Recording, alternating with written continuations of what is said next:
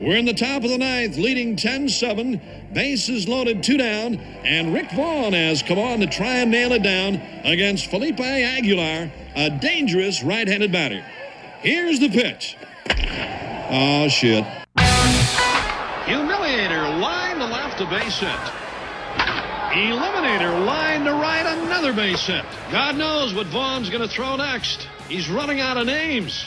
Back goes Serrano. He'll need a rocket up his ass to catch this one. That looked like the Terminator, only slower. Maybe it was his out-of-stater, or it could have been the hibernator. Whatever, for Vaughn, it might be see you later. He's probably going to become a spectator. Naarmate oktober nadert in Major League Baseball neemt de spanning bij de verschillende series toe. Tightening Divisie Races, Wild Wildcard Races. Daarnaast waren er deze week opnieuw een aantal bijzondere milestones om bij stil te staan. En was er weer eens reuring bij de New York Mets. Dit is aflevering 146 van de Just a Bit Outside podcast, de MLB-podcast van Sport Amerika. Mijn naam is Mike van Dijk en vandaag ben ik hier samen met Jasper Roos. Uh, buenos nachos, M-Dijk 90. Hoe is het ermee, uh, Jasper?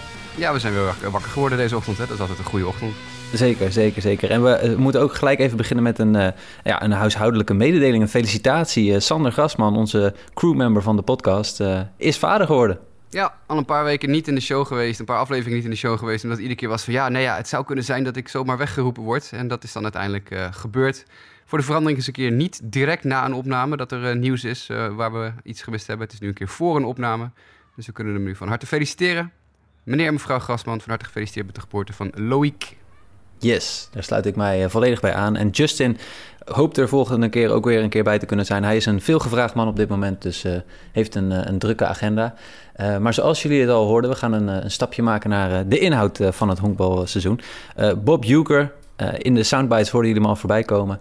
Die stond afgelopen week in het nieuws, want Bob Uecker, de commentator van de Milwaukee Brewers, zit 50 jaar 50 jaar al in de booth. In de booth om wedstrijden te callen. Dat is een ongekend uh, lang aantal jaren. Uh, ik denk, uh, ik weet eigenlijk niet eens waar Vince Scully, de legendarische Dodgers-commentator, op uit is gekomen. Of dat ook zoiets is, is geweest. Maar op 25 september van, deze maand, of, van dit jaar zal er ook nog een, een speciale ering zijn rond, rondom Bob Uecker.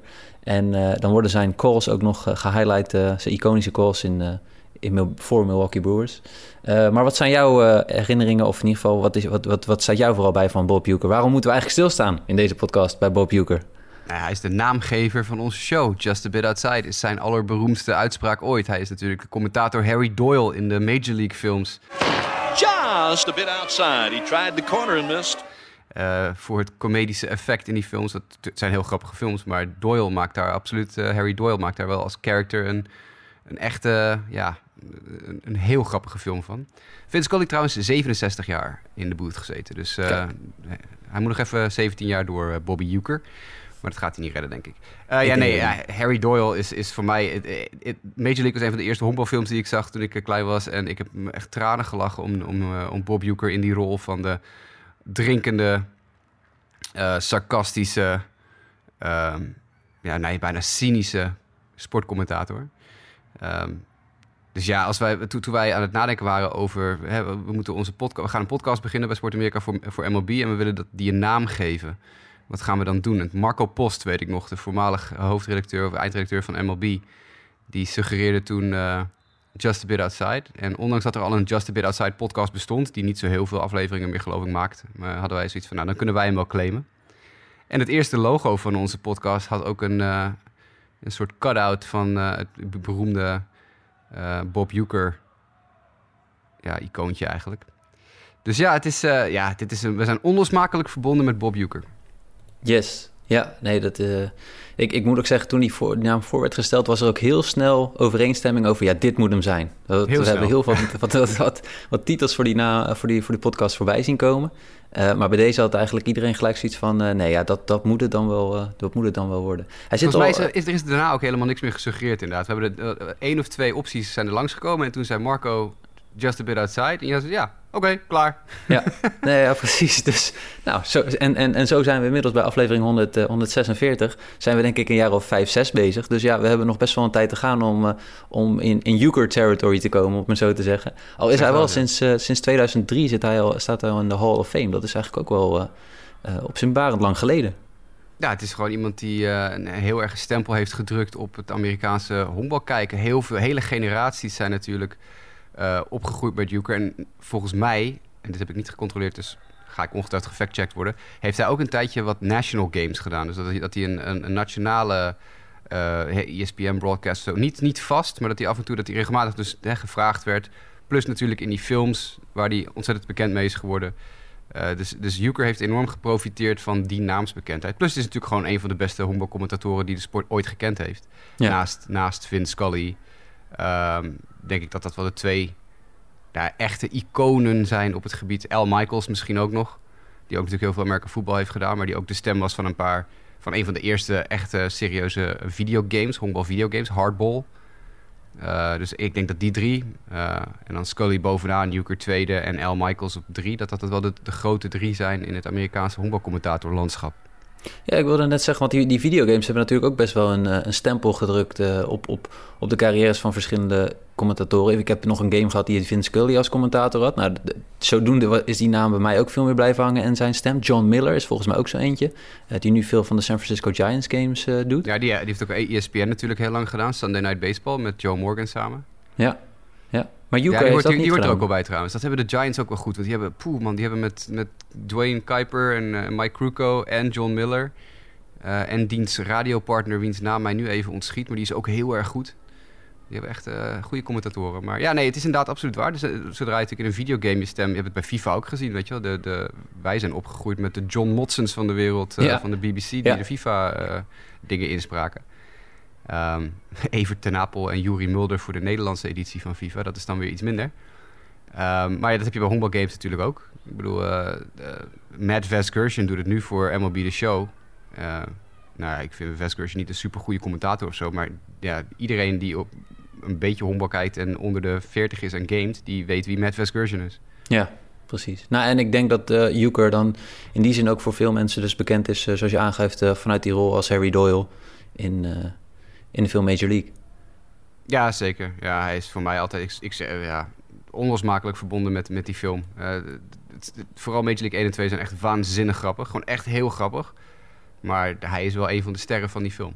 Ja, hij is ook goed gecast. Ik bedoel, hij, hij, hij past perfect in dat profiel wat je dan zoekt, zeg maar, voor zo'n voor, uh, voor, voor de commentator. Ja, en als hij dan weer die fles opendraait en een glas uh, whisky inschenkt... omdat hij het allemaal het seizoen niet door kan komen. En dan een paar van die geweldige one-liners. Wat, wat is jouw favoriete Harry Doyle quote uit de film? Ik bedoel, ik weet dat je ze allebei meerdere keren gezien hebt. Dus, uh... ik, ik, wat, ik, wat ik zelf wel een, een hele geestige vind... moet ik even kijken. Ik weet niet of dat één of twee is... Uh, maar dat, ergens zegt hij volgens mij, uh, zo als, als, er, als een reliever inkomt, dan zegt hij: uh, This guy threw at his own kid at a father-son game. dat vond ik wel. Ik, ja, dat is het, typisch van dat soort dingetjes. Dat je, ja, die, die, die zaten er wel in. Nou, natuurlijk Just a Bit Outside blijft, vind ik zelf ook gewoon legendarisch. Omdat je, ja, die bal vliegt echt zo, zo mijlenver de verkeerde kant op. Ja, dus, natuurlijk dat, het, op een gegeven moment dat, Harry, dat uh, Rick Vaughn op de heuvel komt... en dat, dat hij twaalf wijdballen op rij gooit... en dat hij dan zegt, bal 4. En dan snelle cut, bal 8. Bal 12. En dat hij dan ook iets zegt in de trant van... Uh, het is gewoon knap dat al die slagmensen in staat zijn om zulke close pitches te tekenen. Terwijl die ballen echt gewoon meters, meters naast de plaat gaan. Oh mijn god. Ja, nee, het is fantastisch. Die, die quote voor jou is uit Major League 1 volgens mij. Die, uh, die van die father-son game. Dat is, ja, dat is echt fantastisch. In Major League 2 zegt hij op een gegeven moment iets over van... He needs a rocket up his ass to catch that one. Dat vind ik ook wel altijd een mooie. um, dat, ja, dit zit, er zit er heel veel... Uh, heel veel mooi bij. Even kijken, wat hebben we nog meer? Ik even nu de... Ik heb ze snel bijgepakt terwijl ik het aan jou vroeg. Oh ja, oh ja, die opmerking die tegen Monty, zijn, zijn partner, maakte op een gegeven moment. Dat, dat heeft, dus Doyle heeft een heel verhaal. Uh, dat, hij aan, dat Vaughn een nieuwe pitches aan het werken is. De Eliminator, de Humiliator, to complement his fastball, de Terminator. En dat zijn co-commentator zegt, yeah, I heard that. En dat Doyle naar hem kijkt en zegt, dynamite drop in, Monty. Broadcast school has really paid off for you. nou, dat is echt, dat, dat sarcasme, daar kan ik echt ontzettend, daar ga, daar ga ik heel goed op. Ja. Dus alleen hierom uh, is het al de moeite waard om uh, in ieder geval eventjes met Major League 1 en 2 weer te kijken. Alleen al is het maar voor Bob Uecker. Uh, Want zeker in Major League 2, dan hebben ze zijn, zijn taalgebruik ook een beetje groffer gemaakt. Dus dan zet hij ook regelmatig echt een beetje te schelden in de microfoon. mocht, mocht je team uit contention zijn voor de playoffs, kijk gewoon een keertje in plaats van een honkbalwedstrijd uh, Major League. Ja, of twee. Absoluut, absoluut. Altijd de moeite waard. Ik geloof dat, uh, ik even, even kijken, uh, in september dat weekend dat hij dan geëerd wordt. Er staat overigens al in het stadion, ergens hoog in het stadion, een, een bankje met zijn standbeeld. maar dan rond dat, rond dat weekend zal er ook weer een ceremonie plaatsvinden voor de Wall of Fame. Die heb je in, of de Wall of Honor is het volgens mij. De Wall of Honor in het Milwaukee Brewers Stadion. Ja. En daar worden drie spelers toegevoegd. En ik, ja, ik, ik vind het toch wel... Het zijn iconische spelers voor de Brewers. Maar of ze dan ja, ja, een onuitwisbare indruk hebben gemaakt. Ik ga ze even opnoemen. Carlos Gomez, Giovanni Gallardo en Francisco Rod Rodriguez, K-Rod. Uh, ja, dat zijn wel echte Brewers. Maar of ze dan ook echt op de Wall of Honor thuis horen. Ik weet dat K-Rod buiten het veld ook heeft gedaan. Ja, maar K-Rod is nog wel een speler van ik denk, ja, die heeft echt nog wel serieuze dingen bereikt. Giovanni Gallardo, het enige wat Giovanni Gallardo ooit bereikt is dat hij mijn fantasy team naar een uh, titel heeft gegooid een jaar of tien geleden.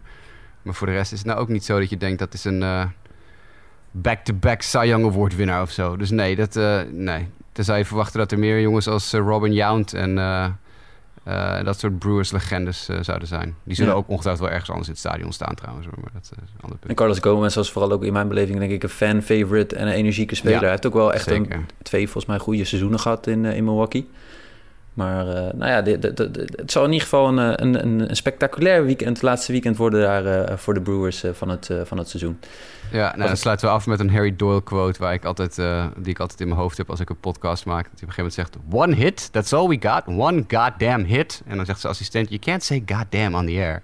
En dat Harry Doyle zegt, don't worry, nobody's listening anyway. Nou ja, laten we hopen dat de mensen nu nog wel zijn blijven hangen. En dan gaan Ja. we, we blijven even in de, in de NL Central. Dan gaan we naar de St. Louis Cardinals. Want afgelopen nacht was het Adam Wainwright die op de heuvel stond. En achter de plaats zat Yadier Molina. En dat was voor de 300ste keer het geval. Een ongekend groot aantal, hoog aantal eh starts samen. Ik eh, moet zeggen, ja, ik, ik dacht ook echt van... wow, ik heb wel 300 overwinningen gezien hè, van, van Randy Mhm. Johnson. Maar 300 starts samen, dat is ook wel een, eh, ja, een ongekende eh, mijlpaal. Ehm, de, de Cardinals wonnen met, eh, met 15-4. En het eh, grappige was dat eh, nou, M- Molina sloeg in de laatste inning nog een, eh, nog een home run. Maar een van de eerste runs die gescoord werd... was door een Adam Wainwright RBI-single... waarmee die Molina over de thuisplaat bracht. Nou, dat zijn toch wel leuke dingetjes. Teamwork makes the dream work. Battery Precies. mates for life. Ja. Er zijn drie andere koppeltjes die, dit, die dit is gelukt. Degene die de meeste starts samen hebben, dat zijn, nu moet ik het goed zeggen, Money Louch. Louch of Louch, wat zou je ervan maken? Mickey, Mickey Lollich is Oh, het. sorry. Ik zie het net niet helemaal goed. Ja, Mickey Mickey en Bill. Friedman. En eh, die hadden er 324 samen. Dan volgen... Dat, ga- gaan, gaan Jadi en, even tussendoor, Ga- gaan Jadi en Wainwright dat nog halen, denk je? Is het, eh, eh, het is je, kan, je kan 30 starts maken in een seizoen hè, als, als starter. Dus als Wainwright er ook nog een jaar aan vastplakt met Molina... en ze... Dan moet, dus, moet dus i- 30 starts... Moet, moet Wainwright moet nog tussen nu en volgend jaar, eind volgend seizoen... nog 30 starts maken. En dan moet Jadi altijd achter de plaat zitten. Dan zijn ze ze voorbij. 24, 25 starts zijn ze ze voorbij. Ja, we, we hebben dit eh, niet van tevoren afgesproken, maar ik, ik wilde jou ook vragen inderdaad, wat is jouw mening over Adam Wainwright? Want als ik zijn eh, statistieken bekijk, zie ik geen reden waarom hij volgend jaar niet zou kunnen gooien. Nee, ik ook niet. Hoe negatief ben. ook zijn geweest voorafgaand aan het seizoen. Ja, niet alleen dat, maar kijk, het is nog steeds niet zo dat er echt van de, van de, eh, van de pagina afklapt natuurlijk. Want van de week ook weer, hij werd eh, pitcher van de maand door MLB uitgeroepen, pitcher van de maand. En dan denk je, nou ja, dan is hij waarschijnlijk wel de beste pitcher in de National League geweest de- deze maand. Maar dat, wij hebben natuurlijk het team van de maand gemaakt. En ik loop al een klein beetje op de zaken vooruit. Van de vijf pitchers die wij uitgekozen hebben, waar hij natuurlijk op nummer 1 staat, omdat hij door MLB al uitgeroepen was tot pitcher van de maand. En waar Tyler Gilbert vanwege zijn no-hitter automatisch ook in de top 5 stond. De andere drie jongens die wij gevonden hadden, Corbin Burns, Blake Snell en Walker Bueller, aan alle kanten beter dan Wainwright.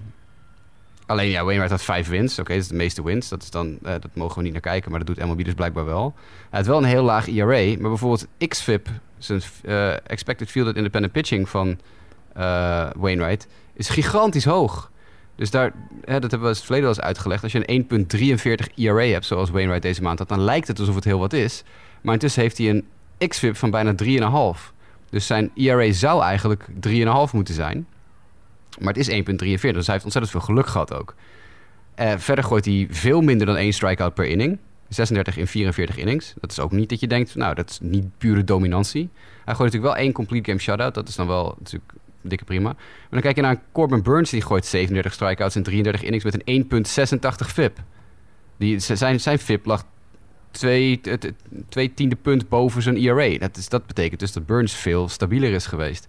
Blake Snell, hetzelfde verhaal. Die had een, weliswaar een XFIP dat iets hoger lag dan zijn ERA... maar niet zoveel hoger als het verschil was bij Wainwright. En dan gooit Snell 54 strikeouts in 36 innings in de afgelopen maand. Walker Buehler, hetzelfde verhaal. Meer strikeouts dan innings gegooid. Een FIP onder de drie. Dus in mijn optiek... Ja, tuurlijk kan Adam Wainwright nog een jaar gooien... maar we moeten ook niet overdrijven. Nee, en, en, dat is ook zeker gekeken naar, naar uh, de afgelopen maand. Maar als ik dan gewoon kijk naar zijn statline voor het hele, hele seizoen... als je dat vergelijkt met de afgelopen vijf jaar... hij is voor de St. Louis Cardinals op dit moment gewoon het zekerheidje in de rotatie. En, en dat verbaast mij, want we hadden allemaal van tevoren ook... joh, uh, 39 wordt bijna 40. Hij is 40, volgens mij afgelopen week ja. 40 geworden. Uh, ja, daar, daar, kunnen we toch niet meer serieus iets van verwachten. Maar als je ziet hoe die het doet, uh, uh, ja, dan denk ik van... oké, geef hem nog maar een, een, seizoen de kans. En zeker als dit record ook nog mee gaat spelen... Je, je, je, stelt de vraag, ik had er nog niet eens over nagedacht... ja, dan zie ik geen reden waarom je daar niet voor zou gaan. Ja, dat is een beetje je counting stats najagen. Maar ik denk dat de Cardinals ehm, daarvoor, daar wel zeer voor open zouden staan. Ik denk ook wel dat het het feit dat natuurlijk Molina zijn hele carrière bij de Cardinals heeft gespeeld. Uh, Wainwright zijn hele carrière bij de Cardinals heeft gespeeld. Dat, zijn, dat is de enige manier natuurlijk hoe je dit voor elkaar kan krijgen. Dus 300, eh, meer dan 300 starts met, uh, met z'n tweeën. En ja. ik vind dat wel iets dat we waarschijnlijk niet zo heel snel meer gaan zien. Met natuurlijk spelers die veel sneller... Clubliefde tussen aanstekens is er niet echt meer. Clubvastheid is er niet echt meer. Mensen gaan naar de club toe die ze gewoon het meeste geld geeft. Um, ik, ik denk dat zij misschien wel de laatste zijn die dat zouden kunnen verbreken. En dan vind ik het heel leuk als ze het zouden verbreken, ja. Absoluut. Ja. Er zit dit seizoen in ieder geval nog een start of drie, nou in ieder geval vier, drie, vier denk ik in. Misschien dat ze nog een wildcard game gaan spelen. Eh, dan zal hij denk ik ook misschien wel de man zijn die gaat werpen.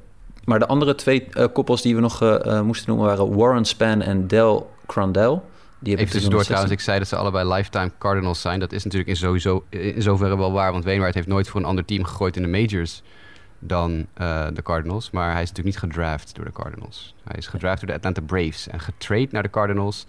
Tezamen met Ray King en Jason Marquis, twee bekende spelers, voor uh, J.D. Drew en Eli Marrero. Dus uh, dat weten we dat even weer. In 2003 is die trade geweest voor Wainwright. Dus hij is gedraft door de Braves. Ja, maar beschouw je hem dan live? Ja, dat vind ik wel boeiend. Is, is dat een... In, in mijn beleving, als je alleen naar MLB kijkt, denk ik van... ja, dan is hij lifetime Cardinal. Ja, tuurlijk. Maar goed, hij is een first round pick van de Braves uit 2000. Hè? 29e overall is hij gedraft door de Braves. Hij heeft drie jaar bij de Braves in het minor league systeem gegooid... en is toen naar de Cardinals getraind. Dus ja, in zoverre is hij een lifetime Cardinal. Ja, in de majors wel, maar buiten de majors niet. En het laatste koppel is Red Faber en Ray Schalk. Schalk, Schalk uh, Die hebben er 306. Dus uh, ik denk dat ze dit seizoen niet meer die 306 gaan halen. Maar inderdaad, nee. als ze een seizoen doorgaan, dan... Uh, is er een goede kans dat, uh, ja, dat ze wat, het record gaan pakken. Wat een koopje is, is uh, Wainwright ook. Hij kost 8 miljoen dollar dit jaar. Dus ja. echt, man, zijn kinderen. He way outperformed that. Ja, moet je nagaan dat hij dus... Uh, er is een periode geweest tussen 2013 en 2018... dat hij 12, 19,5, 19,5, 19,5, 19,5 en 19,5 miljoen dollar kreeg. Uh, en vervolgens op zijn 37e nog 2 miljoen, 38e 5 miljoen, 39e 40e 8 miljoen. dus zijn prijzen gaan nu weer omhoog. Hij heeft in 2019 echt een super cheapy deal moeten uh, tekenen. Toen heeft hij uiteindelijk wel vanwege allerlei bonus heeft hij nog 8 miljoen gehaald. Maar het basissalaris was 2 miljoen. Dus uh, ja, bijzondere jaar pitcher in de league. Waar, ja, waar, waarbij het salaris omhoog ging en het IRA ook. ja, nou, en nu het salaris weer omlaag gaat, gaat het IRA ook weer uh, zakken. Ja. Nou goed, we gaan door. We gaan naar de New York Mets. Want daar was het afgelopen week weer raak. Er was weer een soort van een schandaaltje. Dit keer was het uh, Zack Scott die de klos was. Uh, kan jij ons er meer over vertellen? Wat er uh, precies is gebeurd daar in Noord New York? Of moet ik het goed zeggen? White oh, mijn hemel, man. ik ga echt heel, heel slecht op deze Mets-gezeur. Dit Mets-gezeur. Zack Scott is de nieuwe GM. De derde GM in twee jaar tijd bij de New York Mets natuurlijk. Want de vorige twee zijn eruit geknikkerd. Brody Van Wagenen omdat hij niet zo goed was in zijn werk. En Uh, die andere knakker, uh, omdat hij uh, seksuele intimidatie dingetjes zou gedaan hebben. Um, Zack Scott is naar een feestje gegaan, een soort fundraiser-achtig feestje bij eigenaar Steve Cohen in White Plains, New York. Zoals je al zegt. En heeft daar een behoorlijk borreltje te veel gedronken. Is in de auto gestapt, teruggereden naar, tenminste geprobeerd terug te rijden naar New York.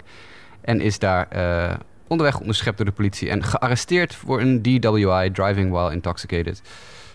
oftewel dronken achter het stuur. En het feit dat hij aangehouden is, dat zegt ook al genoeg. Hij zegt, uh, het is niet zo dat we dachten van, nou ja, je hebt, uh, je hebt een klein beetje een borreltje te veel op. Nee, die heeft behoorlijk uh, erboven gezeten. 0,08 bak is, is, de minimumgrens in New York om een DWI te krijgen. Dus daar zat hij boven. Um, dus ja, de Mets hebben hun, het volgende probleem. En toen, dat inspireerde mij om op Twitter eventjes van de week 1 september, drie dagen geleden... een bloemlezingje van de, de Mets-problemen sinds 2019 uit te typen. En ik ben er zo lang mee bezig geweest. Dat iedere keer moest ik er weer een tweet bij doen. Omdat ik weer dacht, oh shit, ik ben dit nog vergeten. Oh shit, dit zat er ook nog tussen. En zelfs toen waren er natuurlijk nog mensen op Twitter die zeiden... ja, je bent dit ook nog vergeten en dit hoort er ook nog bij. En vergeet niet dat ze ook nog Robbie Cano kwijt zijn aan zijn tweede dopingschorsing. En enzovoort, enzovoort, enzovoort. Dus het is echt waanzinnig als je kijkt wat er allemaal fout is gegaan bij de Mets sinds eind 2019. Ik bedoel, ja, dit is, we maken altijd wel eens opmerkingen over de, de Mariners, dat ze een slecht gerunde organisatie zijn en zo. Er zijn er wel een of twee andere clubs, de Rockies, dat we denken van nou, dat gaat ook niet helemaal goed. Maar er is geen organisatie in de Major League die sinds 2019 zo verschrikkelijk slecht gerund is als de New York Mets. Tja. Ja, en dit soort dingetjes die gebeuren ook steeds dan weer bij de Mets. Laat ik het dan, uh, dan zo zeggen. Maar zelfs ook, ik bedoel, eh, dan, dan proberen ze in een wanhoopspoging dus met de deadline Javi Baez te halen om de club uit het slop te trekken. Want ik bedoel, ze zijn natuurlijk ook van de eerste plek naar de laatste plek zo ongeveer gestort in een maand tijd. En wat doet Javi Baez nadat hij twee weken in New York is? openlijk ruzie maken met de fans. En vervolgens ook nog een oorbel verliezen. Tijdens het feestje vieren toen hij een keer een walk-off hit sloeg, was hij zijn oorbel verloren. En daar zijn ze nu al weken naar op zoek. En de mensen letterlijk, de hele ground crew zit op hun knieën rondom de thuisplaat te zoeken naar zo'n oorbel. Want dat is één oorbel die 200.000 dollar kost. Javi Baez speelt dus honkbal met een oorbel in die 200.000 dollar kost. Ja, daar, maak je mij ook niet heel erg... Uh... Zouden ze nou zoeken in het belang van Javi Baez om die oorbel te vinden... of om te voorkomen dat de grasmaaier straks kapot gaat? ja, dat weet je ook niet. Alles gaat kapot bij de Mets. Eind 2019, ik zal het even opnoemen voor de mensen die het leuk vinden. Manager 1 werd ontslagen. Dat is Mickey Callaway. Heel veel over gehad in de show. Inmiddels... Uh, persona non grata in eh, MLB na allerlei seksueel wangedrag voor, tijdens en na zijn periode bij de Mets. Manager 2 wordt aangesteld direct daarna. Dat is Carlos Beltran. Die wordt binnen zeven weken ontslagen of vertrekt. Dat is eventjes uh, officieel de officiële lezing dat hij zelf ontslag heeft genomen. Maar we weten natuurlijk allemaal dat dat niet zo is. Uh, vanwege zijn betrokkenheid bij het Astros-schandaal. Dan gaan we 2020 in. Het team dat hoge verwachtingen heeft, finisht als ene laatste in de divisie. Vervolgens koopt Steve Cohen koopt de club. Waar de Mets de rijkste eigenaar in Major League Baseball geeft. Binnen een maand is Steve Cohen een verdachte in een piramideschandaal. Is overigens nooit uh, daadwerkelijk iets van gekomen. Maar hij is verdacht geweest van criminele, fraudeleuze activiteiten. Hij ontslaat direct nieuwe GM Brody Van Wagenen. Omdat hij uh, vindt dat hij wanbeleid heeft uh, gehad. En omdat natuurlijk Van Wagenen, hebben we het ook in de show over gehad... Um, belangenverstrengeling had. Want die heeft een aantal van zijn spelers die hij als agent had. Toen hij agent was, heeft hij bij de Mets een flink contract bezorgd. Dat is ook niet helemaal netjes gegaan. Dat is ook een beetje fraudeleus. Van Wagenen eruit, nieuwe GM komt erbij. Die wordt binnen zes weken ontslagen, zoals ik al zei, wegens seksuele intimidatie. Vervolgens geeft de club een absoluut kapitaal uit de nieuwe spelers. James McCann, superster Francisco Lindor worden gehaald. De verwachtingen zijn torenhoog. Heel sneaky intussen worden nog allemaal mensen ontslagen bij de Mets... omdat ze betrokken zijn geweest bij het aanstellen van Mickey Callaway. Ze hebben dus niet goed onderzocht dat hij inderdaad al een heel geschiedenis, hele geschiedenis had van seksuele intimidatie bij andere clubs. Al die mensen die daarbij betrokken zijn geweest worden eruit gesodemieterd. 2021 komen we. De spelers gaan onderling vechten in de tunnel. Weet je nog wel misschien het Red Raccoon incident? Waar Jeff McNeil onder andere en, uh, en Lindor bij betrokken waren. Die vechtend door de gang rolden en later het een beetje deden alsof... Nee, dat was gewoon... We zaten te schreeuwen naar elkaar of het een rat of een wasbeer was. Ja, dag. Kumar Rocker, de eerste draftpick van dit seizoen, weigert te tekenen bij de Mets. Die is ook kwijt. Het team stort in van bovenaan naar momenteel buiten de playoffs. De eigenaar komt onder vuur te liggen nadat hij op Twitter een hele tirade loslaat.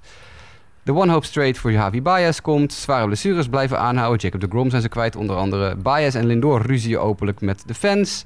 En nu is de GM opgepakt met uh, alcohol achter het stuur. En dan was ik nog vergeten, dank Niels de Groot... dat de mascotte, de man die in het Mr. Met kostuum zit... is eerder dit jaar opgepakt nadat hij twee kilo cocaïne en fentanyl in zijn auto had in het stadion. Cano is geschorst vanwege doping. enzovoort, enzovoort. Poeh. Dat is uh, En dat is allemaal sinds, sinds eind 2019, sinds oktober 2019. Oei, oei, oei. Nou, dat is wel uh, een, een, een, behoorlijke lijst. Maar uh, de, ja, de, op basis van alles wat je zegt, ook voor dit seizoen... kijken we even naar de prestaties op het veld. De Mets nu op een 500 record met 67-67. Vier wedstrijden achter op de wildcard game. of de wildcard spots. Fangraphs geeft ze 11,2% om de playoffs te halen. Ja, ik denk toch dat ze de Grom nodig hadden gehad, willen ze dat daadwerkelijk gaan, uh, gaan halen. Wat, wat is jouw uh, blik op Ja, ze liggen eruit. Ze liggen eruit. Ja, 100%. Ja. Dit team is te, te, te, gehavend en te inconsistent. Eh, te, te niet constant genoeg om, uh, om iets te kunnen doen in die divisie. Nee, ze liggen eruit. Alright. Uh, in ieder geval, Sandy Elderson is back in charge als GM, GM voor de, de, de time being. Uh, Vind ik op zich trouwens wel mooi hoor. Want Alderson krijgt altijd een heel slechte rap voor de periode dat hij al eerder GM was. Uh, en natuurlijk heeft hij daar ook wel wat pech gehad. En heeft een paar niet zulke hele goede beslissingen gemaakt. Maar hij heeft ook onder zijn supervisie hebben de Mets echt wel een paar heel goede seizoenen gehad. En het is een heel ja. gewaardeerde kerel. Echt echt een, een echte professionele baseball GM. Uh, hij liep natuurlijk nog rond bij de Mets, dus daarom is het makkelijk om hem op een plekje te zetten. Maar het zou natuurlijk wel leuk zijn als we een keer wat, uh, wat frissere gezichten te zien krijgen. Maar aan de andere kant, alle frisse gezichten die overal aangesteld worden, worden of met seksuele intimidatieklachten of met drank achter, uh, achter hun kiezen achter gearresteerd. Dus misschien is het maar goed om een keer een rustige factor Sandy Alderson te hebben. Ja, het, het blijft in ieder geval. Het zal me benieuwen wie de volgende GM gaat worden. Als deze man. Uh, nou, de rest nog niet ontslagen. Dus laten we gewoon even kijken hoe dit. Nee, maar dat gaat natuurlijk wel gebeuren, waarschijnlijk. Ik bedoel. Uh...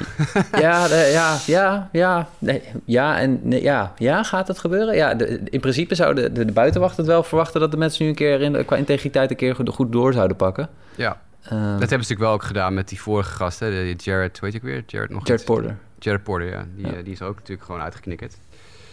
Um, ik, uh, en het is ook nog niet zo dat, dat Zack Scott een heel goed werk heeft gedaan of zo. Het is niet nee. zo dat er een heel goed team staat. Nee.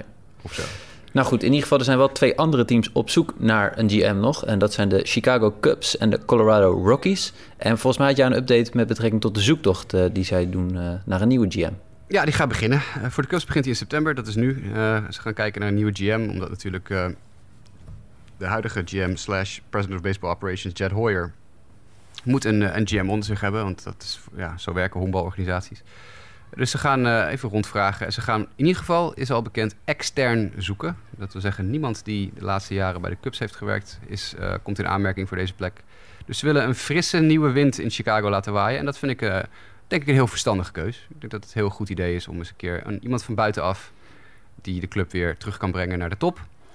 En de Colorado Rockies uh, gaan hetzelfde doen. Althans, die gaan ook op zoek naar een GM, maar die gaan juist de andere kant op. Want daar schijnt interim, de interim GM die er nu zit, na het ontslag van de vorige drie, of het vertrek van de vorige drie, uh, daar schijnen ze heel tevreden over te zijn.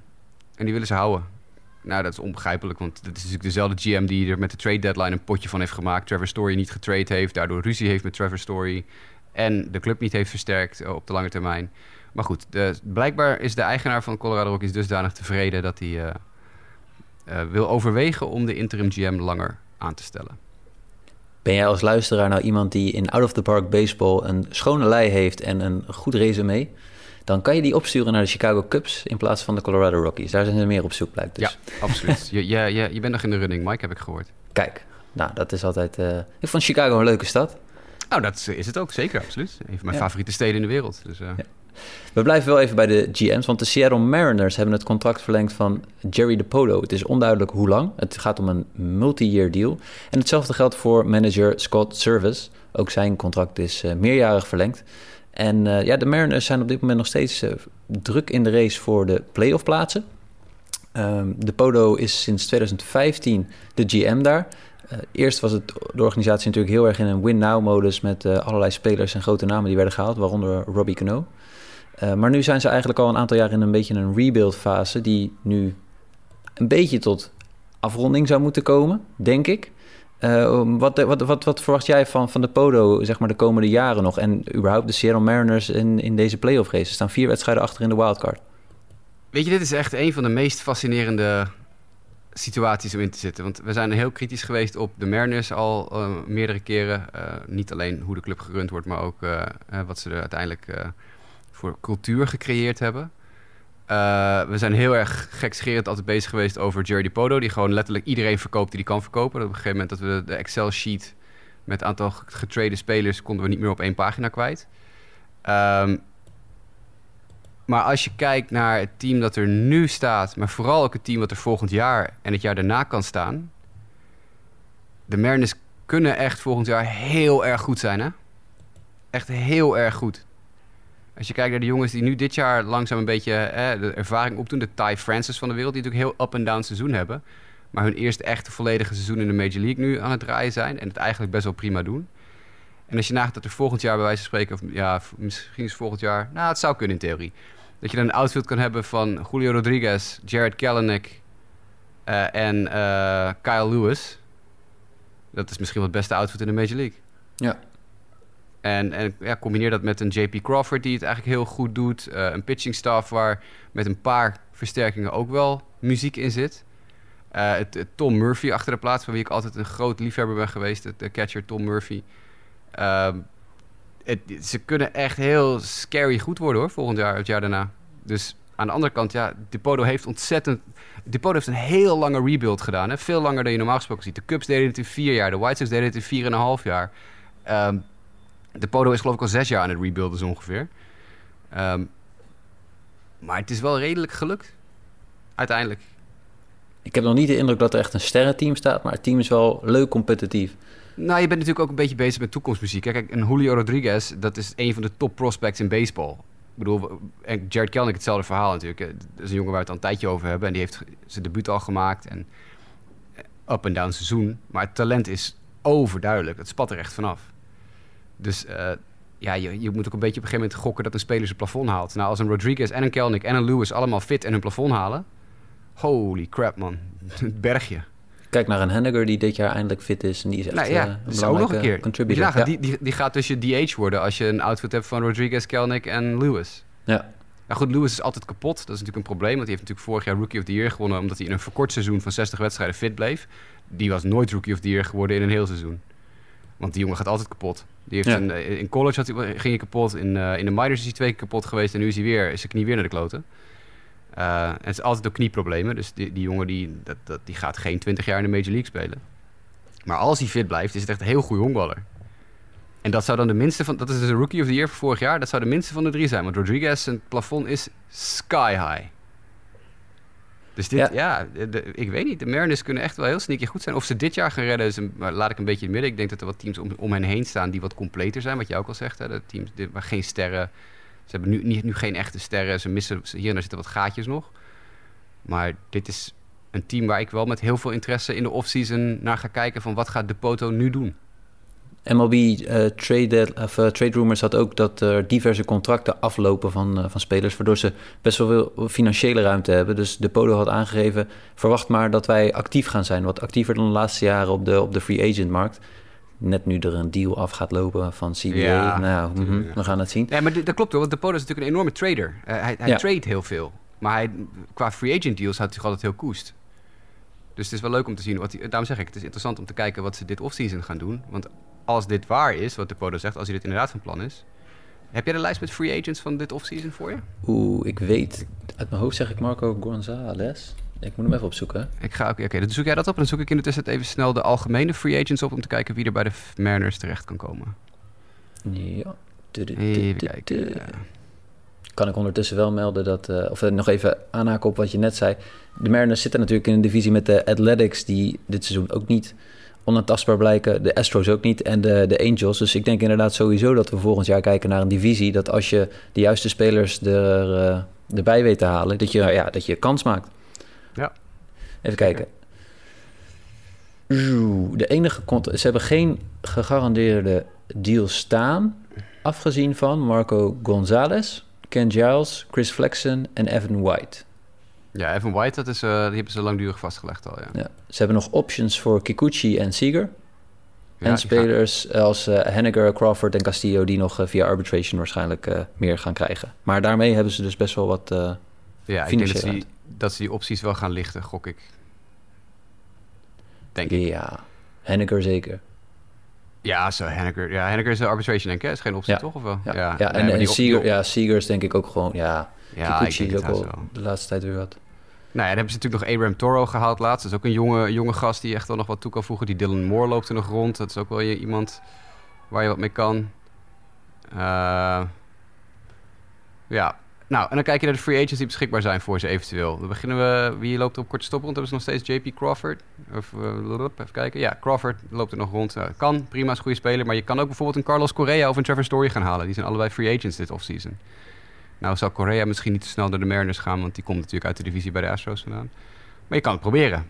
Je kan een Chris Bryant halen om bijvoorbeeld op het derde om Kyle Seager te vervangen als je die optie niet wil lichten. Dan kan je Bryant er neerzetten.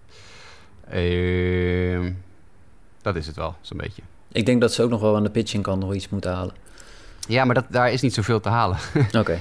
Eh, ja, er is wel wat te halen, maar er is een Clayton Kershaw die... eh, eh, oh nee, die, ja, die heeft inmiddels bijgetekend weer, geloof ik. Eh, dit is een ouder artikel. Eh, Dylan Bundy zou nog eventueel free agent zijn. Er is dus niks te halen, dat is duidelijk. Als je Dylan nee. Bundy gaat noemen, dan... eh, Nee, want bijvoorbeeld Lance Lynn stond er ook nog bij, maar die heeft inmiddels ook al bijgetekend. Dus dat is ook niet een optie. Eduardo Rodriguez, meh. I don't know. Nee, dus pitching is niet... eh, het is een, een, een artikel van een tijdje geleden hoor, dus misschien zijn er wat dingen veranderd in de tijd. Maar eh, ik ben wel benieuwd naar de Mariners. Yes. Nou goed, we gaan afwachten hoe actief de Podo eh, gaat zijn en eh, of ze nog de playoffs gaan halen deze maand. Eh, we gaan het bekijken. In ieder geval, een van de dingen die ik net al refereerde was dat er de MLB CBA af aan het lopen is, de Collective Bargaining Agreement. Eh, 1 december is de deadline. En het proposal, het, het nieuwe voorstel van de MLB is bekendgemaakt afgelopen week. En weinig verrassend was de Players Association niet positief over wat er allemaal in stond. Maar om even de belangrijkste punten te bespreken. eh, er werd voorgesteld een rigoureuze wijziging, een rigoureuze wijziging eh, voor de change in service time. De players zouden nu een free agent ook worden vanaf hun 29,5 de leeftijd. En er zou iets van een, een, pool moeten komen, een poolsysteem om arbitration eh, soort van te vervangen. Nou goed, eh, bijzondere aanpassingen. Eh, Jasper, wat kan je ons nog meer vertellen over deze proposal? Nou, dat het onzin is. En dat het heel storend was om te zien dat eh, national baseball writers als John Heyman en zo heel erg de kant kozen van MLB. Dat zijn, die zitten allemaal in de broekzak bij Manfred. Dat is echt heel storend. Het is gewoon een heel stom voorstel. Ik bedoel, laten we wel wezen. Het idee op zich, het enige element wat ik, wat ik wel zie zitten hier persoonlijk, is natuurlijk hè, een hogere tax. Want we hebben nu natuurlijk dat luxury tax systeem. Dat is een soort van ja, halve de facto eh, salary cap. Maar het is niet echt een salary cap. Want de, rijke teams hebben scheid aan die, eh, aan die luxury tax. Nou, als je die, dat percentage flink omhoog gooit... of in ieder geval de grens omlaag haalt en het percentage omhoog haalt... wat dus het voorstel zou zijn. MLB wilde dus bijvoorbeeld de, het plafond soort van leggen bij 180 miljoen per payroll. Nou, als je nagaat dat er geloof ik wel zes of zeven teams dit seizoen boven de 200 zitten... zeg ik even uit mijn hoofd. Ik zal even kijken of ik dat kan factchecken. Anders dan krijg ik weer mensen in mijn DM dat het niet klopt. Ehm, dan dan trek je die grens natuurlijk behoorlijk omlaag. Als je zegt, oké, vanaf 180 miljoen payroll gaan we 25% extra belasting heffen op je, eh, op je payroll. Eh, ik loog. Het zijn twee die boven de 200 zijn. En het zijn er 1, 2, 3, 4, 5, 6, 7. Dat was daar, waar, daar kwamen de 7 vandaan. Zeven die nu boven de 180 miljoen zitten. Wat dus de nieuwe grens zou worden. Dat zijn de Dodgers, Yankees, Mets, Astros, Phillies, Red Sox en Angels. Dat zijn de zeven teams die boven de 180 miljoen grens zouden zitten. Dus die zouden dan een extra 25% eh, tax krijgen met dan weer eh, nieuwe tax brackets met hoe ver je er overheen ging en zo. Dus nou goed, dat is allemaal heel erg financieel. Snap ik ook niet alles van. Maar eh, op het moment dat je dus bepaalde brackets hit, dus nieuwe, nieuwe thresholds, nieuwe drempels, dan gaat je tax weer omhoog. Nou, dat is op zich heel prima. Ik bedoel, tax the rich, zeg ik altijd. Dus als je een rijke club bent, huppakee, extra belasting, lijkt me prima. Maar, ja, weet je, ik bedoel, eh, ja, misschien handig is om even het verschil erbij te zeggen. Eh, het zou dan van 210 en 230 miljoen naar 180 miljoen gaan. Dus het gaat tussen de eh, 30 en 50 miljoen dollar gaat het plafond omlaag. Nou, dat is prima. Dat is één Trevor Bauer per team ongeveer. Ehm, wat niet zo'n goed idee is, is die 29,5. Ik bedoel, ja, dat, dat weet je ook. Ik bedoel, zou je als speler heel blij zijn als je tot je op, pas op je 29 en een halfste jaar free agent kan worden? Nou, nee, nog heel kort over die luxury tax. Kijk, weet je, het, het, het, punt vind ik daarmee ook van waar gaat het geld uiteindelijk naartoe? Ja. Uh, de, de, spelers krijgen daardoor minder lucratieve deals. En waar gaat dat, waar, wat, wat, wat gebeurt er dan met het, uh, het geld? Het feit is wel dat kleine clubs, neem de, neem de Diamondbacks als voorbeeld... Die, je ziet gewoon dat die zelden uh, een, een payroll aantikken die concurrerend is met andere teams. Nou wint geld niet altijd kampioenschappen, dat bewijst de Tampa Bay Rays keer op keer. Maar dan moet je wel uh, andere zaken exceptioneel goed doen, uh, wil je dat lukken. en dat valt alleen maar te prijzen, maar ja, dat ik, ik, ik, ik, begrijp wel dat MLB probeert dat speelveld rondom die payrolls iets, iets dichter bij elkaar te doen. Met name wat je nu aankaart, dat punt van die 29,5 leeftijd. Ja, die, we, ze hebben allemaal gezien dat dat service time verhaal, uh, dat, uh, dat ze dat dan gaan manipuleren. Er is een talentvolle speler. Eigenlijk hoort hij vanaf dag 1 van het seizoen gewoon op het roster te staan. Maar ja, dan gaat ze arbitration jaren al lopen, zijn service time jaren al lopen. Uh, dus heb ik hem minder lang. Dat werkt gewoon eigenlijk niet in het voordeel van de, van de speler en ook niet in het voordeel van de, van de clubs. Dus dat is niet ideaal. Om dan te zeggen 29,5, ja, ik vind het vrij random. Ik bedoel, het, ja. de, de carrière van een speler die kan zo verschillen. Um, neem een speler als. Uh, de, we hebben nu die diverse spelers gehad, een stuk of drie, vier supersterren, die echt op hun twintigste tussen hun 20ste en hun 25ste al top zijn en bijdragen in de MLB.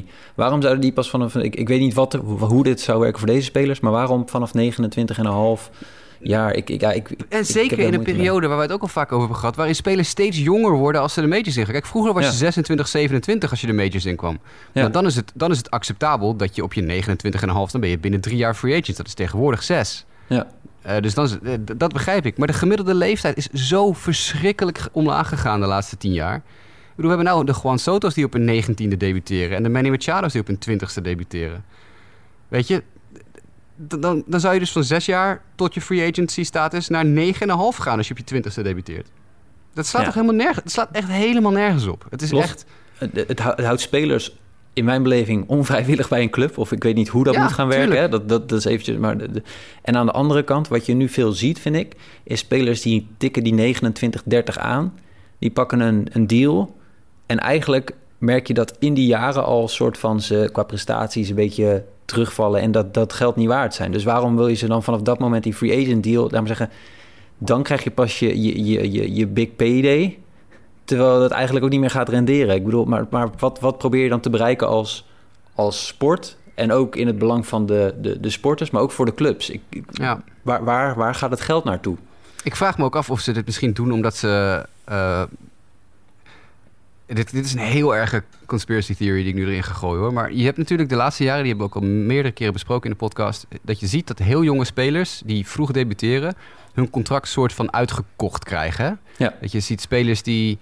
Uh, een langdurig contract tekenen, zodat ze op hun 29ste of 30ste nog een keer free agent worden. Ik Evan Longoria was een voorbeeld daarvan, toch? Evan Longoria is het eerste echt, echt duidelijke voorbeeld daarvan. Maar sindsdien heb je natuurlijk nog veel meer gehad. Tim Anderson, hebben het ook regelmatig, die verdient 25 miljoen. Hè? Die heeft een contract van 25 miljoen. Niet per jaar, nee, in totaal. Die heeft een deal getekend, geloof ik, voor vijf jaar en 25 miljoen dollar. Uh, de Ronald Acuña's, acht jaar, wat is het, acht jaar, 100 miljoen.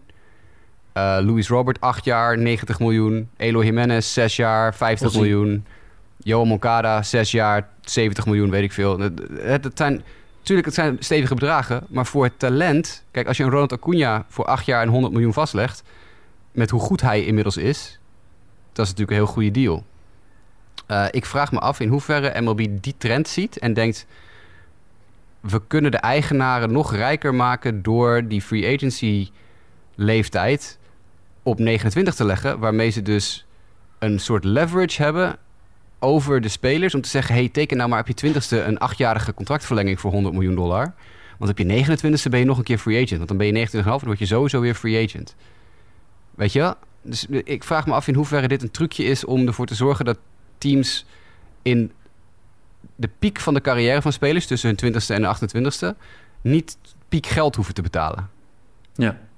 Dit is heel erg... Uh, man, dit is heel erg conspiracy, conspiracy theory. En hij komt me net echt... Uh, ja, maar er zit wel... er binnen. Er zou denk ik best wel een kern van waarheid ook uh, in kunnen zitten. En waar, waar ik zelf gewoon... Kijk, het Amerikaanse systeem blijft ook gewoon heel anders... dan wat wij gewend zijn hier in Europa. Neem, neem voetbalclubs hier. Maar als je gedraft wordt en dat hele fenomeen van service time... Ja, ik blijf het nog steeds bijzonder vinden.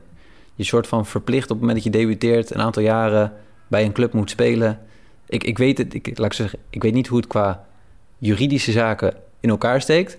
Maar ik blijf me er wel over verwonderen, omdat ik ergens zoiets heb van ja, maar goed, als jij top speelt, dan wil je, je hebt het vaker gezegd, je wilt toch uh, betaald krijgen naar de prestaties zoals je die dan in die jaren ongeveer zo'n beetje levert. In plaats van dat je pas je PD krijgt na eerst jaren dik, dik uh, geleverd hebben voor je club en dan nog te hopen op een free agent deal. Ik vind dat, Ja. dat, dat blijf ik gewoon een bijzonder, maar ik zie ze dat ook niet aanpassen, want dat is Nee. eigenlijk waar, waar ze juist heel erg mee schermen.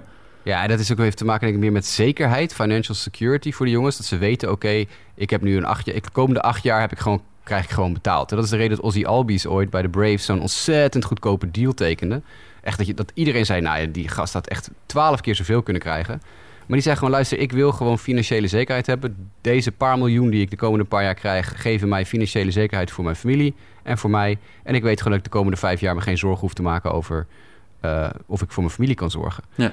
Ehm, dat snap ik natuurlijk wel. Het arbitration systeem is natuurlijk wel ingesteld zodat spelers naar prestaties kunnen, eh loonsverhogingen kunnen krijgen. Zodra je arbitration eligible bent, drie jaar op rij, kan je dan eh, echt wel stevige salarisverhogingen krijgen. Chris Bryant, die is arbitration, zijn laatste arbitration jaar nu en die verdient bijna 20 miljoen, geloof ik. In arbitration. Dus je krijgt echt wel, je kan echt wel, als je heel goed presteert, is, is er wel een soort fail-safe waardoor je als speler dik betaald kan krijgen. Alleen je hebt dan maar telkens, telkens de zekerheid van één jaar. En je moet ieder jaar moet je op je top blijven presteren om je er ervan te verzekeren dat je volgend jaar weer een loonsverhoging krijgt in arbitration.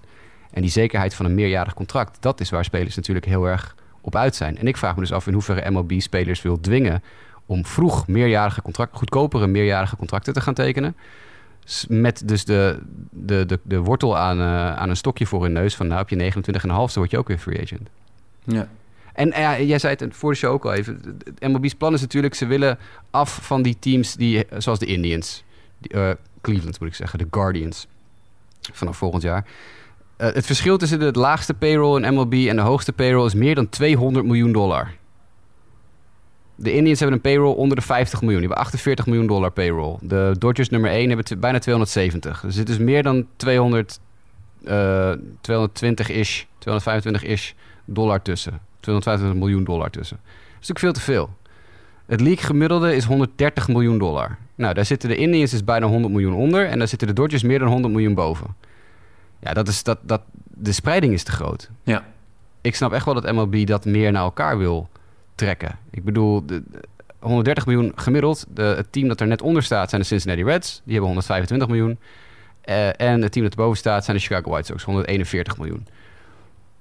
Maar als je kijkt naar de teams die dus onder league average zitten... eh, daarvan zijn er drie in de running voor de postseason. Er staan er dus 15 onder, onder de grens. En er zijn er drie van in de postseason running. De Reds, de Brewers... Sorry, vier. Reds, Brewers, A's en eh, Tampa Bay Rays. En dan kan je de Mariners er eventueel nog bij zetten... want die hebben ook nog een theoretische kans. Laten we zeggen vijf van de 15. De andere zijn totaal uit de race. Dan heb je het over dus de, Twins, de Rockies, de Rangers, D-backs, Tigers, Royals, dat soort teams allemaal. Dus er zijn 10 teams die onder league average zitten in de payroll... die totaal niks te zoeken hebben in de playoff race. Van de 15 teams boven de grens zijn er 14 in de playoff race. De 13. De Nationals liggen er ook uit. De Nationals en Cubs die, hebben, die gaan het niet meer halen. De overige 13 teams zitten nog in de playoff race. En dan zeg ik even 13 teams. Hoe staan de Angels in de wildcard? Staan die binnen vijf wedstrijden of niet? Nee, Nee, oké, dus dan liggen die er ook uit. 12 tien, teams. tien wedstrijden achter. Ja, nee, dat gaan ze niet redden. 12 teams zijn nog in de playoff race. Op wat voor manier dan ook. Zij het wildcard, zij het de divisie, wat dan ook. Ja, dat, die spreiding is te groot. Dat betekent dat als je bovengemiddeld spendeert, dan zit je per definitie altijd in de, in de race. Spendeer je ondergemiddeld, dan ben je, en je bent geen Rays of, eh, of Brewers of Athletics, dan is het ook gelijk echt helemaal de stekker eruit halen. En dat wil MLB niet meer. Nee, maar tegelijkertijd blind geld uitgeven slaat ook nergens op. Ja, ik bedoel, we moeten- Nee, zeker niet. het Nee. gaat toch om, om geld. En een Nee, van maar de dingen... daarom zeg ik, ik bedoel, die extra belasting, dat snap ik wel. Dan, dan, Ja, dan, ik dan limiteer Ja. je misschien het, eh, eh, het, het spenderingsprofiel een beetje. Ja. Eh, ik bedoel, als je vanaf nu, op dit moment kan je tw- tot 230 miljoen gratis uitgeven zonder straf. Nou, als Ja. dat naar 180 miljoen gaat, dat is een stap de goede richting in. Als je vervolgens ook zegt, we gaan er 25% belasting overheen klappen als je er overheen gaat, dat, dat gaat ook aantikken. Dat gaat in de praktijk, denk ik, teams meer geld kosten dan de regel die ze nu hebben. Ze hebben nu tot en met 230 miljoen. En dan, als je eroverheen gaat, geloof ik 32% belasting. Uh, als je die grens natuurlijk 50 miljoen omlaag haalt... en nou, dan gaat van 32% naar 25% gaat de belastinggrens... ik denk dat het in de praktijk meer op gaat leveren uh, voor teams, voor, voor, uh, voor MLB. En dat geloof ik wel. Maar dit hele free agent plan vind ik echt... Ik, ik zou niet eens de telefoon meer opnemen als ik de MLB-PA was. Nou, en wat we nog niet eens hadden aangegeven is, uh, je hebt het net over het plafond, maar ze willen ook een vloer neerleggen. Het zijn echt uh, architecten wat dat betreft. Ze hadden het onder andere over dat er minimaal 100 miljoen payroll moet zijn van een team, zoiets. Wat ik volgens mij ook nog voorbij zien komen. Ja, ja en dat, daar hebben we het net ook over gehad uh, voor de show. Wat, wat, krijg je nou voor gedrag van clubs? Is dat nou ja. überhaupt wenselijk? Want je wil, wat ze proberen denk ik, is die middeltier spelers, hè, de ervaren krachten die nu heel veel moeite moeten doen om eigenlijk nog op een roster te komen. Wat ook bijzonder is.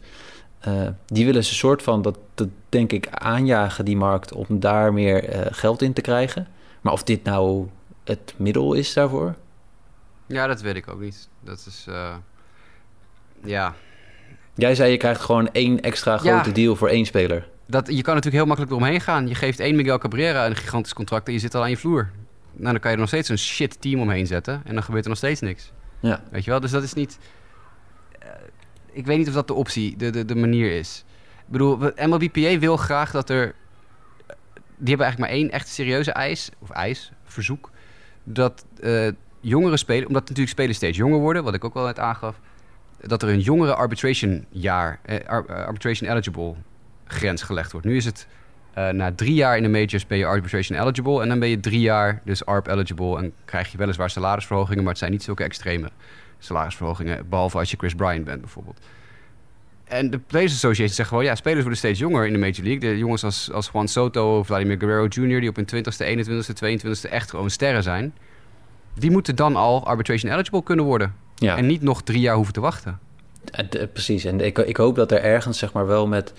Uh, dat ze maar ja, dat, dat vraagt aan beide kanten wat. Uh, dat ze proberen niet zozeer te kijken van hoe kunnen we het geld goed verdelen, maar vooral kijken wat is in de interest of the game van de fans. In die zin dat je dus wel krijgt van ik wil competitieve teams zien, ik wil spelers als ze kunnen bijdragen op het veld zien en ook dat daar enigszins uh, uh, dat daar dus wel ooglijk is voor de, voor de spelers in plaats van ja als we hier dit doen en dat een beetje zo doen, dan zorgen we dat het geld meer rond blijft stromen. Ja. Nou goed, we gaan het zien. We gaan het afwachten. Want het gaat nog even duren voordat ze een deal hebben. Vermoeden wij. Toch? Ja, dit, dit wordt heel spannend, dit offseason. Ja. Yes.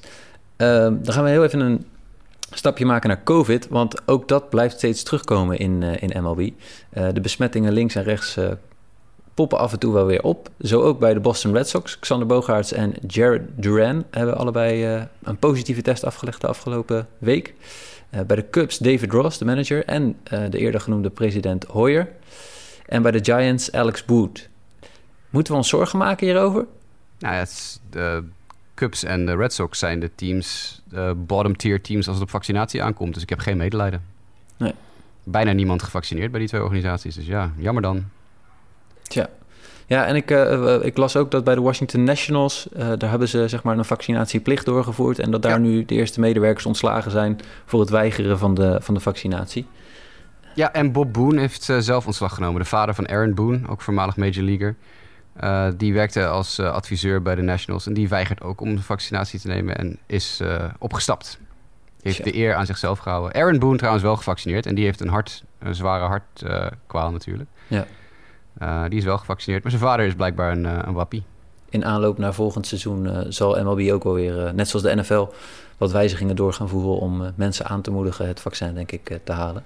Ja, weet je, ik, ja, ik ben er heel makkelijk in. Ik vind het prima wat de Nationals doen. Dus je, je, je, bent de baas over je eigen organisatie. Als jij vindt dat mensen zich moeten vaccineren en ze doen het niet, dan ja, knikken ze er maar uit of laten ze maar gaan.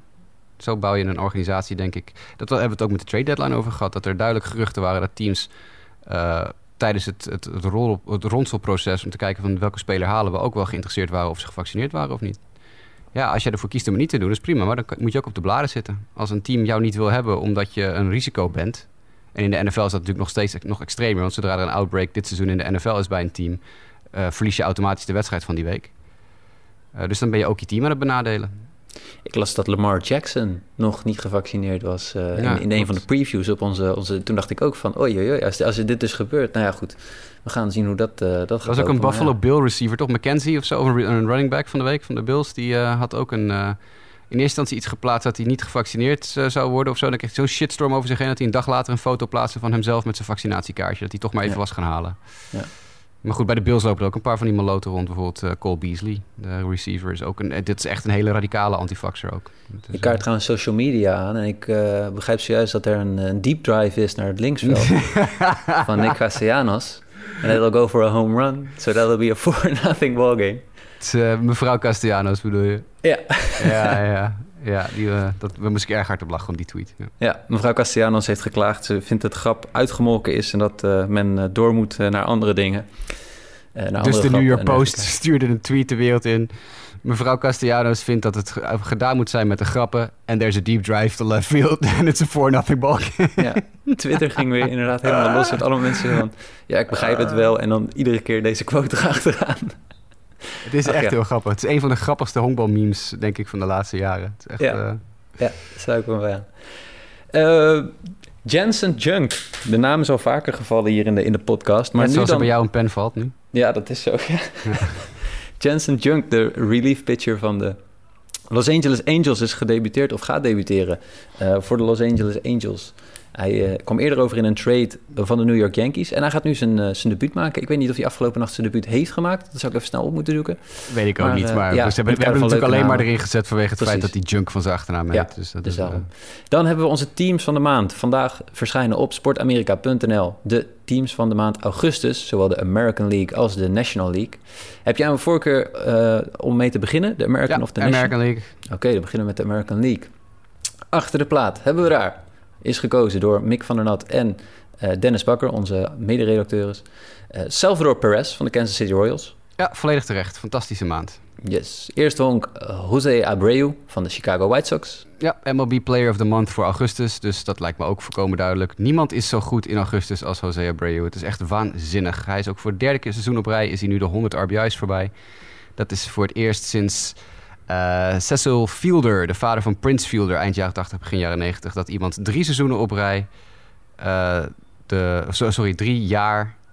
Nee, sorry, ik zeg het verkeerd. Abreu had natuurlijk vorig jaar maar 60 RBI's, want er was een verkort seizoen. Maar hij liep op, zeg maar, op schema om uh, drie seizoenen op rij dat te doen. als hij volgend jaar nog een keer door de 100 RBI's gaat, dan heeft hij ze, nou ja, goed, hoe dan ook, iets met 100 RBI's. Kijk, tweede honk. Het tweede honk wordt bezet door Ty France van de Seattle Mariners. Ja, vond ik leuk. Uh, heeft een prima, jaar, prima maand. 1,2 war ook dit, uh, deze maand. Dat is ook wel een... Uh, ja, dat is, alles boven de 1 war is goed. Impressive, ja. Ja, doet hij goed. Jose Ramirez van de Cleveland Indians op het derde honk. Ja, gaf een beetje aan dat de staat van de derde honk in de American League... een beetje problematisch begint te worden. Ramirez was wel goed door verder. En had ook een heel, heel brede statline. Hè? De, ik bedoel, acht dubbels, negen home runs, acht steals. Het is allemaal heel echt dat je denkt van... nou ja, dit is eh, heel, heel constant. Uh, Johan Moncada heeft de langste actieve hitstreak in de majors op dit moment. Maar dat is natuurlijk niet uh, in de hele maand augustus, want die loopt ook al in september een beetje door. Uh, Matt Chapman was ook heel goed tijdens de maand augustus. Yes. Ahmed Rosario van Cleveland op korte stop. Dus Cleveland ja. wel weer, dat is grappig, we gaan het straks denk ik nog een keer zien. Dat er teams zijn die out of contention zitten, maar wel echt wat individuele highlights hebben. Ja, Rosario echt heel goed. Slaagt 3,72 in de maand augustus met een 9,81 OPS. 8 dubbels, 3 trippels, 4 home runs, 20 RBI's en een 1.5 war. Heel goede maand voor Ahmed Rosario. Eloy Jimenez, linksvelder, Chicago White Sox. Ja, uh, ligt op, uh, op koers. Als hij een heel seizoen gespeeld zou hebben... In de, op de manier zoals hij nu loopt te spelen sinds hij terug is van IL... zou hij 150 RBI's slaan in één seizoen. Tja. Dat is echt waanzinnig wat hij loopt te doen. Het is wel uh, mooi om te zien dat hij na die blessure zo, zo ijzersterk terug is gekomen eigenlijk. Ja, en ook meteen, hè? Echt zonder één. Het lijkt alsof hij alsof hij niks, geen, geen spat gemist heeft. Ja. Het is echt uh, zo ongelooflijk. Centerfield was de aanwinst rond de trade deadline van de Oakland Athletics. Starling Marte. Ja, talking about good impressions, first impressions. Dat is, dat is misschien wel de trade van de trade deadline aan het worden op deze manier. Dus Marte speelt echt heel goed. Ja. En dan hebben we in het rechtsveld Aaron Judge van de New York Yankees. Ja, uh, de power is uh, helemaal terug uh, bij Judge, als het ooit weg al geweest is. Maar die ja. echt een stompzinnige maand. Met een OPS over de 1000 voor de maand augustus. En zijn, zijn ja, hoe zeg je dat? Zijn home run maatje in New York is de DH, Giancarlo Stanton. Met de ja. negen home runs in één maand. Pff. Ja, die, die, die lopen met z'n tweeën, die dragen de Yankees offense. Ze hebben het vorige week ook over gehad. Ja, ja. als werpers, en dat is wel interessant, staat de eerste is Robbie Ray. Ja, uh, daar kan jij wat meer over vertellen, want jij kent hem heel goed. Nou goed, hij is uh, uh, natuurlijk vorig jaar overgekomen van de Arizona Diamondbacks in een trade. En toevallig bereikte mij tweetjes, is Ray niet Cy Young kandidaat? En toen dacht ik echt van nou, ik, dit heb ik een keer eerder meegemaakt in de National League. Maar hij is echt ongekend sterk dit seizoen, ja. bezig aan een goed seizoen in Toronto. En ik, tenminste, ja, het, het was mij een beetje onopgemerkt gebleven. Maar afgelopen maand was hij heel goed. 41 innings, 1,76 ERA, 52 Ks. Ja, als hij eenmaal gewoon comment heeft over zijn pitches, dan heeft zijn stuff gewoon heel erg goed. En uh, hij lijkt dat te hebben gevonden in Toronto. Ja, eerste lefty pitcher uit de geschiedenis van de Blue Jays die 14 strikeouts in één wedstrijd gooide, ook nog in de maand augustus. En uh, hij staat tweede in de American League in strikeouts achter Garrett Cole. Dus. Marco Gonzalez, Seattle Mariners. Ja, prima maand. Uh, ja. het, is geen, het is geen overpowerende pitcher, hè? dat wordt hij nooit. De strikeouts blijven ver, ver achter. Maar uh, ja, de weak contact, hè, dat is het. Hij krijgt gewoon bijna geen uh, harde hits tegen. Kyle Quantrill van de Cleveland Indians. Cleveland Indians goed vertegenwoordigd deze ja, maand. Ja, heel goed. Ja, prima maand van Quantrill. Natuurlijk ook de getalenteerde pitcher. Zat in een, een trade ooit met de San Diego Padres. voor, was het Clevenger? Ja, Clevenger. Ja, ja, ja. dus ja, nee, heel goed. heel goede maand voor Quantrill. Goed om te zien dat hij zijn grote belofte begint in te lossen. En dan hebben we nog Frankie Montas van de uh, ook net Athletics. En Tristan McKenzie, hoewel die richting de AL is gegaan. Uh, of nee, hij was gedemoted weer, toch? Nee, AL ja, AL. Die uh, maken de rotatie compleet. Ja, Montas mocht Canada niet in, vertelde je mij, hè? Ja, hij staat op de restricted list. Zijn visum had hij issues mee, dus hij, hij, was niet, hij is niet in actie gekomen. Hij zou een van de starts maken. Maar ja. dat, is, dat is niet gebeurd. Dat, mocht je de wedstrijd nog niet gezien hebben, de mensen die luisteren, de samenvatting van de wedstrijd Athletics Blue Jays afgelopen nacht, zeer de moeite waard. Ja, absoluut. En McKenzie ook heel goed, hebben we vorige week al uitgebreid over gehad. Fantastische maand. Yes. Dan gaan we door naar de National League.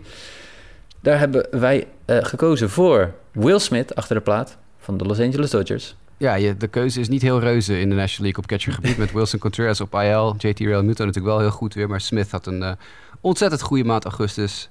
Uh, OPS over de 1000, 8 home runs, uh, weighted runs created plus van 174 en een 428 weighted on base average. Dus uh, ja, met afstand de beste catcher van de National League in de maand augustus. Met afstand was ook de, eerste, de beste eerste honkman in de National League. CJ Crone, speler ja. van de maand van de Colorado Rockies. Ja, ja MLB inderdaad eindelijk weer een keer voor een Rocky gekozen, zou je bijna zeggen. Maar ja, ehm, ja fantastische maand toch? Ja, hij was echt 11 home runs in één maand. Nou, ja, sick. Sick, man. Uh, ja. 217 weighted runs created plus. Er waren geloof ik maar twee spelers die boven de 200 uh, WRC plus gingen. En hij was er eentje van. De ja. andere is... Uh, oh nee, drie, sorry. Want Harper zat er natuurlijk ook bij. In de National League drie spelers over de 200 weighted runs created plus. De eerste, CJ Crone. tweede honk Tommy Edman van de St. Louis Cardinals. Ja, 11 doubles, drie home runs. 13, sorry, 14 extra base hits. Ehm, meeste gescoorde runs in de National League voor tweede honkmannen. Meeste twee honkslagen. Top 5 in RBI's. Uh, het lijkt me duidelijk dat hij uh, de beste tweede honkman was. Leuke speler ook. Doet een beetje van alles. Ja. ja. Ik heb hem een tijdje op mijn fantasy league, in mijn fantasy team gehad. Totdat hij een dipje had in het begin, of midden van dit jaar. Waar het minder goed ging. Maar ja, leuke speler. Ben, ben Zobrist-like, zeg ik dan iets geks? Ja, nee, dat is eigenlijk een hele goede vergelijking. Ja. Hij is misschien iets sneller dan Zobrist. Maar het is uh, ja, een goede vergelijking. Austin Riley, de derde honkman van de Atlanta Braves. Poeh, nou ja... Dit is de nieuwe superster in Atlanta, als je het mij vraagt. Ja, deze jongen die, uh, was natuurlijk altijd al top prospect. We hebben al een paar seizoenen gezien. In 2019 debuteerde die. Maar poeh, hey, mensen, ja. kinderen. Ja, zeker in de afwezigheid van uh, Ronald Acuna. Dus, ja, uh, absoluut. Aan dezelfde kant van het infield staat ook Dansby Swanson van de Atlanta Braves. Ja, dat was ook echt heel absurd. Dat, daar kwam ik toevallig op uit toen ik aan het researchen was... wie eigenlijk de beste kortstopper in de National League was. Maar dat is echt sick. Ik zie dat ik zijn OPS vergeten ben erbij te zetten. Dat gaan we nog eventjes doen. 898 is dat, als ik het rekensommetje goed doe uit mijn hoofd. Um, ja, vijf dubbels, vijf homers, 20 RBI's, 20 runs, twee gestolen honken. Eh, en vooral ook maar een, eh, dat viel mij ook op, een eh strikeout percentage van 12,6%. Dat is meer dan 10% onder het league gemiddelde voor korte stops. Alleen Didi Gregorius had met 11% strikeout rate een lagere strikeout rate dan Dansby Swanson in de maand augustus. Maar Didi had verder niet zo'n goede maand als, eh, als Swanson. Eh, dus ja, dat, als je dat volhoudt, als je zo kan slaan zoals Swanson nu doet... en ook maar 12,6% van de tijd een strikeout krijgt... ja, dan, dan, is er, dan is er een aanknopingspunt voor de toekomst. Zeker. Eh, in het linksveld hebben we Tyler O'Neill staan van de St. Louis Cardinals. Ja, die had enigszins heel veel geluk, denk ik. Maar eh, eh, hij heeft het team gehad. Eh Connor Joe Ja. van de Rockies deed ook erg goed. Die kwam ook nog wel naar voren. In centerfield hebben we een andere Tyler staan. Tyler Naquin. Van, Beste speler in baseball dit, deze maand. Echt, dat, is wat die loopt te doen. Dat is, ik, ik schreef ook Tyler Naquin of Babe Ruth in het artikel. Want het is echt niet normaal. 16 extra base hits. Bijna 500 WOBA. 495 WOBA. Weighted on base average. Eh, hij, hij slugde. Zijn slugging percentage was meer dan 100 punten boven de nummer 2 op de lijst in de National League. Dat was Odubel Herrera. Meer dan 200 punten boven de nummer 3. Rafael Ortega van de Cubs. Hij had ook nog een 17-game hitting streak aan het eind van, eh, van de maand. Ja, dat is echt... eh, de Tyler Naquin loopt te doen. Echt het de, de hottest player in the world. Begrijp je dan de keuze voor CJ Crone, speler van de maand van de MLB? Ja, eh, Naquin had maar zes home runs. Kroon had Oké. bijna twee keer zoveel. Oké, oké. Ik denk, ja, weet je... eh in, Naquin had 16 extra base hits. 9 doubles, 1 triple, 6 home runs. Kroon had er 9... sorry, eh 11, 11. Dat waren alleen die home runs. Ja. Ja, mm, I don't know. Ik had misschien wel voor Naquin gekozen, maar ik snap Kroon op zich ook wel. hoor. Speler die daar nog bij in de buurt kwam was de rechtsvelder Bryce Harper. Ja, dat is de derde speler met een weighted runs created plus boven de 200. Hij, Naquin en Kroon zijn de enige drie die boven de 200 eh, WRC plusten. Harper, waanzinnig, waanzinnige maand. Een van zijn drie beste seizoenen, denk ik, uit zijn carrière tot nu toe. Absoluut. Eh, Tien hij had nog niet het, Precies, hij had nog niet het, eh, het, het MVP-niveau wat hij eerder had. Maar dit is Ja, hij, hij eh, was, hij was deze maand twee war waard. In één Ja. maand is Ja. hij twee wins above, above average. Ja, dat is absurd. Ja. Eh, pitchers, Adam Wainwright. We hebben het eerder al gezegd. Goed bezig. Corbin Burns. Ja, ik heb deze jongens allemaal genoemd. Burns, Ja. Snell, Snell. Bueller en Tyler Gilbert. Dat is de top 5. Logan Webb was ook heel erg goed van de Giants. Die had ik eigenlijk op de plek van Gilbert gezet... als Gilbert geen no-hitter had gegooid natuurlijk. Ik had nog twee andere namen voor je gehad. Namelijk, Scherzer. staat er ook bij onderaan. Eervolle vermeldingen Oh, onder het ah, filmpje kijk, van Tyler Gilbert. gemist. Ja, En. Max, Ja, Max, ja. Max Fried en Charlie Morton. Ja. Dat waren de... Er ook weer twee Braves trouwens. Fried en Morton. Yes. Nou goed. De eh, maand september is begonnen, dus dat is de laatste maand dat ze in deze rubriek terug, eh, terug kunnen komen. Ja. Eh, gaan we heel snel eventjes, denk ik, door de races heen. Wat is er opgevallen ten opzichte van vorige week? Niet zo De- heel veel veranderd volgens mij. Hè, Niet sinds zo heel vorige week. Nee. Nee, eh, het, het, het, het, het spannend. Het, je, op dit moment is het wel echt leuk aan het worden in beide wildcard races. Dat je gewoon ziet dat er zeker een team of vijf in zowel de, de, de American League als de National League eigenlijk echt wel in, eh, in contention is. En de NL East blijft gewoon echt wel een hele leuke divisie. Ik bedoel, eh, de Mets staan vier wedstrijden achter de, de Braves. Dus dat is het verschil tussen plek 1, 2 en 3. Eh, de Philadelphia Phillies staan er nog tussen. Ja, dat kan nog wel leuk gaan worden. Hoewel ik echt de Braves de laatste week een paar keer heb zien spelen, is wel echt een goed team.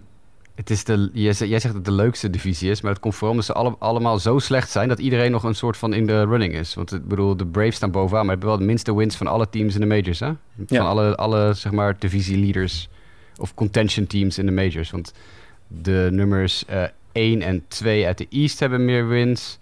Sterker nog, de nummers 1, 2 en 3 uit de AL East hebben meer wins dan de Braves. De nummers 1, 2 en 3 van de AL West hebben meer wins dan de Braves.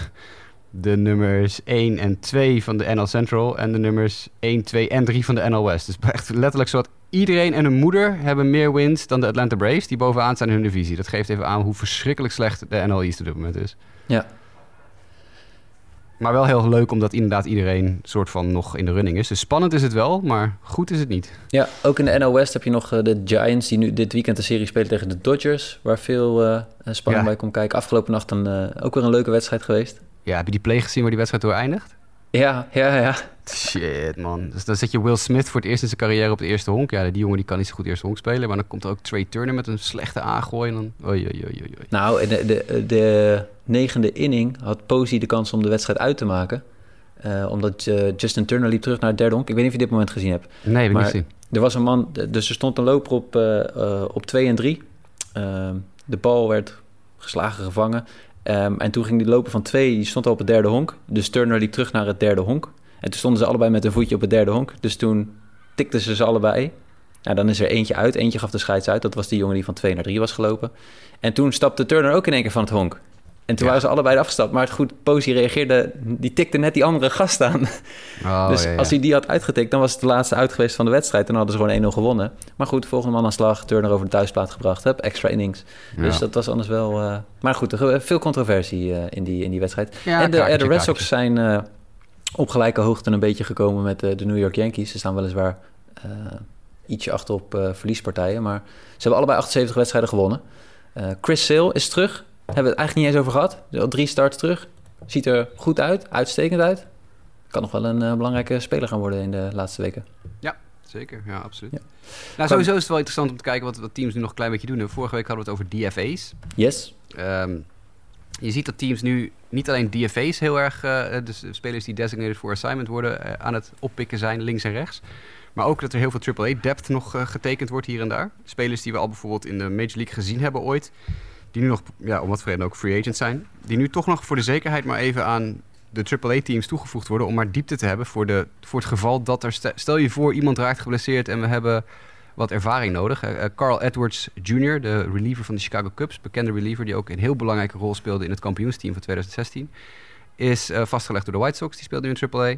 Die daardoor uh, in AAA Carls Jr., Fry uh, en Burger hebben. En Oscar Colas ook bijna. Dus uh, Carls Jr. is natuurlijk een fastfoodketen in Amerika. Dus, uh, you got the menu special right there. Ja, Carls Jr., Fry, Burger, Colas. Je hebt het allemaal. Um, daarnaast hebben we nog gezien dat de Blue Jays bijvoorbeeld... die hebben heel veel DFA-jongens opgepikt. Uh, die hebben ook iemand gedropt. Want Brad Hand is door de Blue Jays gedFA'd... en die is volgens opgepikt door de Mets...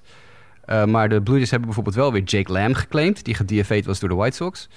En uh, er zijn er nog een paar teams die je echt wel ziet... die nog aan het bezig zijn om een soort van versterkingen te zoeken... door middel van het claimen van gedFA'de spelers. Dus dat is wel interessant uh, om even nog een beetje in de gaten te houden. Soms gaat het een beetje onder de radar door. Maar, en ik snap ook absoluut niet dat de Blue Jays nou met Jake Lamb moeten... Maar Brad Hand naar de Mets is bijvoorbeeld wel echt een heel interessante deal. Ik bedoel, Hand niet heel goed voor de Blue Jays, maar weet je, het is geen, geen koekenbakker. Nee. Nou ja, de, we gaan uh, zien of deze jongens ook nog überhaupt een bijdrage leveren op het veld. Dan gaan we nog heel kort even door de blessures. Uh, Kenta Maeda hebben we vorige week genoemd. Die heeft inmiddels Tommy John surgery ondergaan, volgens mij. Um, Correct, maar dit is even heel kort nog. We weten wel heel lang bezig zijn, maar een heel ja. interessant iets over de Kenta Maeda blessure en operatie. Die heeft een soort nieuwe experimentele vorm van Tommy John ondergaan, waarin er een brace in je arm, in je elleboog gebouwd wordt. En Will Carroll, at Injury Expert op Twitter, uh, heb ik het even van de week mee over gehad. Hij heeft een beetje heen en weer getweet. Um, dat is namelijk wel een, het is een vrij nieuwe procedure. Hij bestaat al wel een paar jaar, maar wordt niet heel veel gedaan.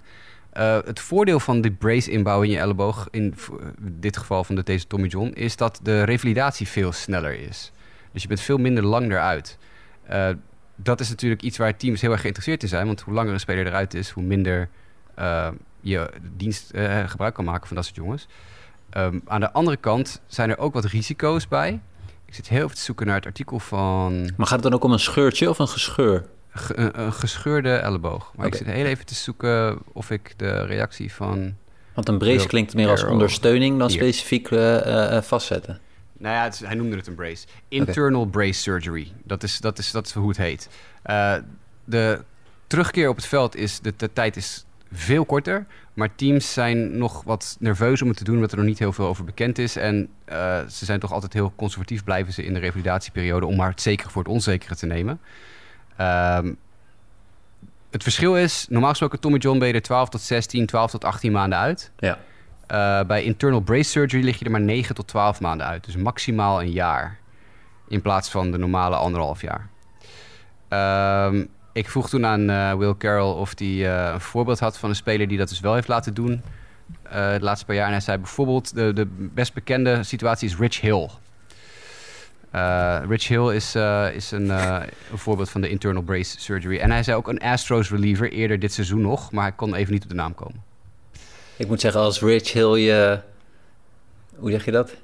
Je, je paradepaardje is met zijn blessuregeschiedenis. Nou goed, die elleboog zit verder wel oké in elkaar, maar je begrijpt Ja, nou ja, hij is wel fit gebleven sindsdien. Dus eh, het is, het is, eh, ja, internal brace is een, eh, is een, een dingetje dat we in de gaten moeten houden. Dat is iets, en, en zeker nu dus, hij houdt Kenta Meda in de gaten om te kijken Hoe dat gaat lopen. of dit, al, dit is dus een echt, een echt alternatief voor Tommy John surgery. Dus Alright. dat zou revolutionair zijn als dit inderdaad aanslaat. Ja. Eh, jij hebt ook aangegeven dat Lucas Giolito naar de IL is. Dat is wel qua timing. Is dat gewoon dan hopen op tijd gewoon fit te zijn? Of... Hij is niet geblesseerd. Oké. dit is wat ik zei dit vorige week of twee weken geleden ook aan de show. Ze hebben Lance Lynn een week op de IL gehad. Ze hebben Carlos Rodon een week op IL gehad. eh, met schouderfatigue, weet je wel. Eh Giolito die werd wel uit zijn laatste start gehaald met een klein beetje hamstringkramp. Maar volgens duurt het vijf dagen voor ze hem op IL zetten. Terwijl ze dat ook natuurlijk meteen hadden kunnen doen. Dus dit is een zekere voor het onzekere momentje, denk ik. Ik verwacht niet dat dit iets anders is dan hem gewoon rust geven voor de playoffs. Oké. Eh, dan zien we dat eh, George Springer ook steeds weer fit is, dan weer niet fit is, weer fit is, dan weer niet fit is. Volgens mij is hij op dit moment fit. Eh, maar goed, die hopt dus een beetje heen en weer. Eh, en Luis Severino, dat bericht is dat hij volgende week weer vanaf een heuvel mag gaan gooien. Ja, we hadden het vorige week ook al even over, omdat hij op de weg terug was. Dat hij langzamerhand weer wat eh, eh, een bal mocht oppakken. Maar nu mag hij dus inderdaad ook weer op de heuvel. Yes. Al dus eh, Rotowire. Dus, en dat zijn dan denk ik de nieuwtjes. Ik denk dat we er doorheen zijn, Jasper. Ik denk het ook. Ik, het- mooi gedaan, Mike. Keurig Yes. binnen, binnen de tijd. Welke tijd? Dat First, maakt niet ja, uit. precies. We hebben niet echt een tijdsframe altijd. Hè. Maar als jullie vragen hebben en dergelijke, kan je die altijd mailen naar justabitpodcast.gmail.com. Eh je kan een berichtje sturen naar jasper.jasperoos. eh naar mij, mdijk90. Naar justin.jwkf. Of een felicitatie of een vraag naar grasmansd voor Sander Grasman. Eh, we zijn er weer doorheen. Hou de site in de gaten en de, de socials in de gaten ook weer voor een nieuwe podcast. Of waar je ook je podcast vandaan haalt. Jasper, dank. Het was weer Jij ook. gezellig. Het was weer een genoegen. We zijn weer bij. En voor de luisteraars, tot de volgende keer. Just a reminder, fans, about Die Hard Night coming up here at the stadium. Free admission to anyone who was actually alive the last time the Indians won a pennant. I don't know how this guy keeps his mind on baseball with, with all the paternity suits and all. I think those are parking tickets. yeah.